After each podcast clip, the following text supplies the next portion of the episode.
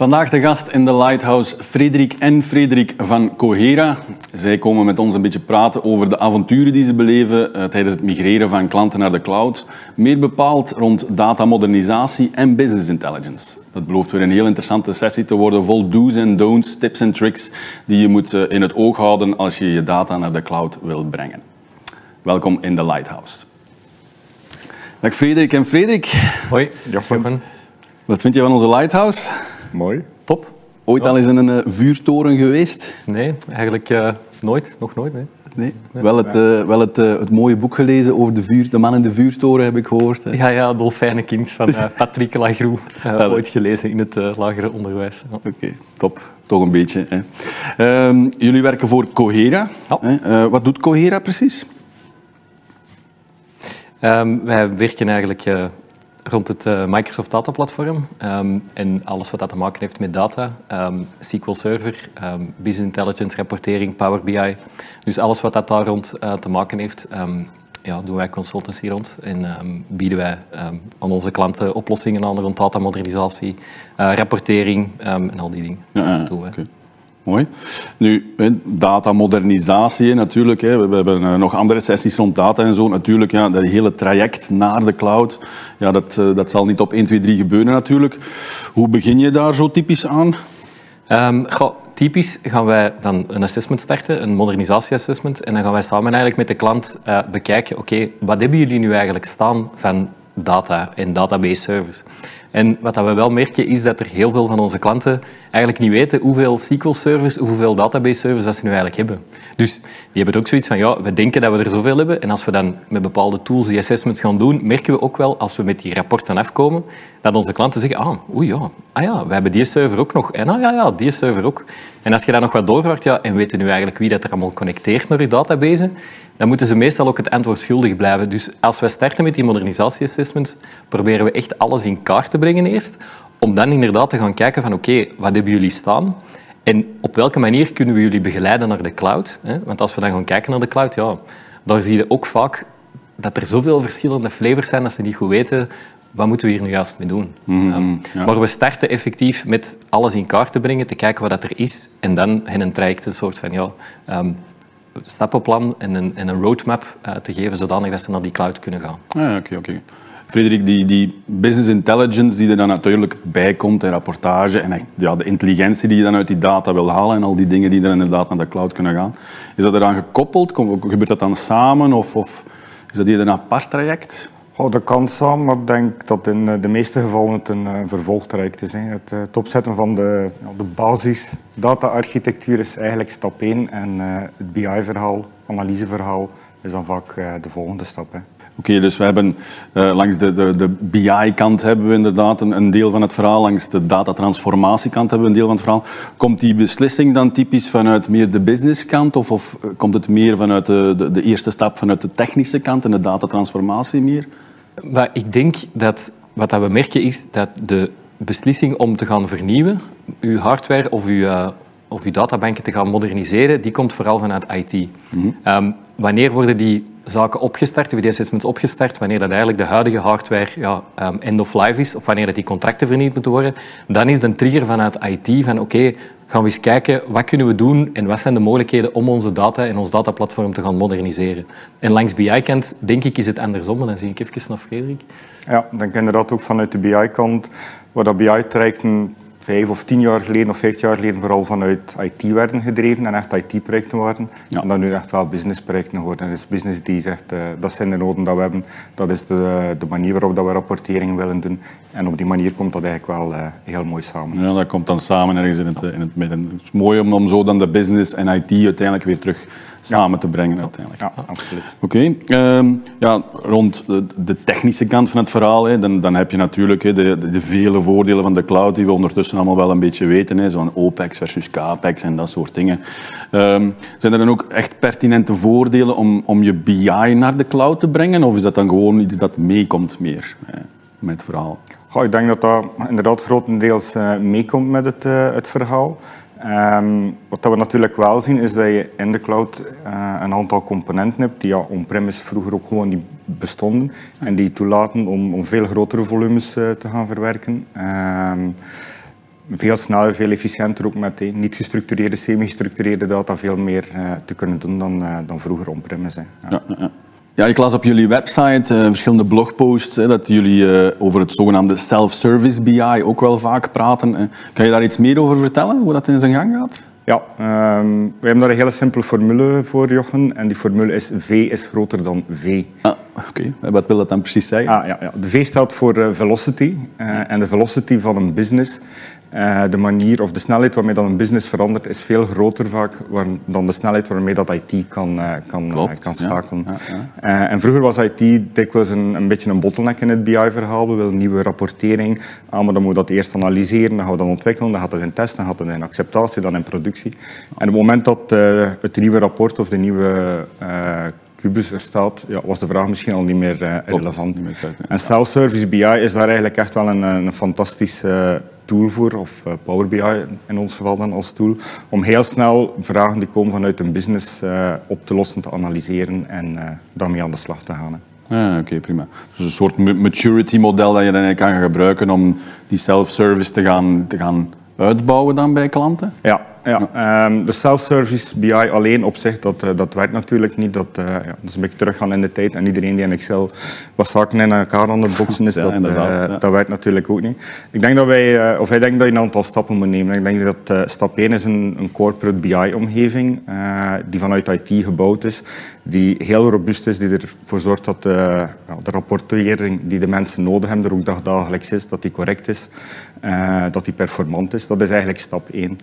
En de tweede stap dat wij zien is dat je ook mensen toegang heeft tot die data warehousen, tot die kubussen en hen eigenlijk toelaat om daar ook ad hoc zelf rapporten op te gaan, eh, gaan bouwen. Ja. Ehm, een derde stap is eigenlijk dat je ook mensen eh, ja, een soort datacultuur aanleert en dat mensen ook zelf andere data die niet in dat data warehouse zit, maar die wel in het bedrijf aanwezig is, eh, laat combineren met dat data warehouse. En dan de vierde stap is eigenlijk echt het, eh, het simmen van self-service BI, is dat je een bedrijf erin slaagt om een cultuur te krijgen, dat mensen ook data die niet vanuit IT wordt aangeleverd, maar dat ze zelf vinden op het internet of zelf mee aan de slag gaan, kunnen gaan gebruiken. En als je die vier stapjes kan, eh, kan nemen, dan, dan heb je eigenlijk een heel performante Ja. BI-omgeving. Oké.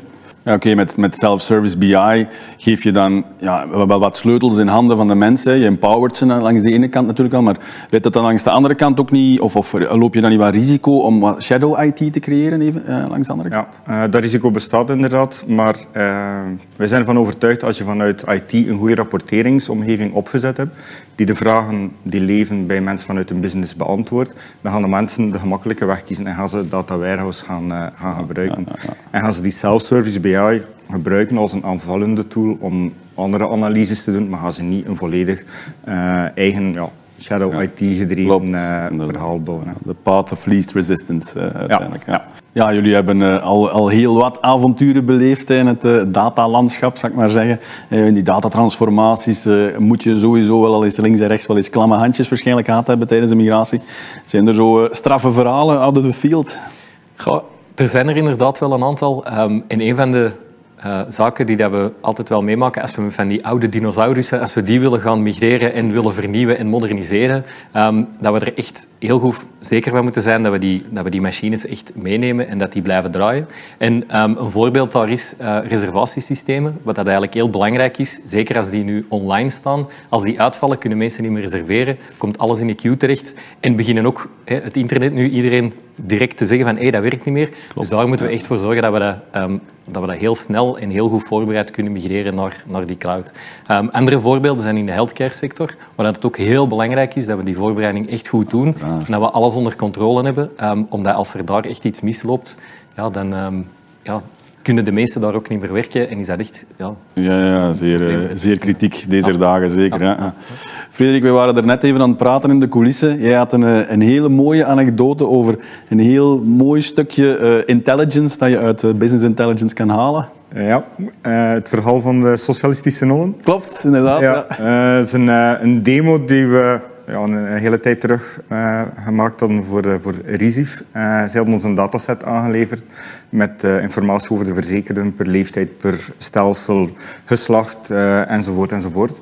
Ehm, we hebben die data binnengetrokken in, in Power BI, uh, daarmee aan de slag gegaan, analyses gebouwd. En ben eigenlijk de demo toen begonnen met de vraag aan, aan de mensen van kijk, in die dataset blijkt dat er een, een aantal nonnen, kloosterzusters, verzekerd zijn bij een, een, socialistische mutualiteit. Kijk eens aan. Hoeveel zijn er? En stel dat je die vraag krijgt vanuit een business, hoe lang zou dat duren om die, die vraag te, te beantwoorden? Ja. En er was wat uh, gelach, gekonkelfoes. En ja, ja, we gaan er toch een paar dagen voor nodig hebben. En eigenlijk hebben we totaal geen idee. En toen hebben wij op uh, ja, 30 seconden getoond hoe je het antwoord uit die dataset kan, uh, kan toveren met Power BI.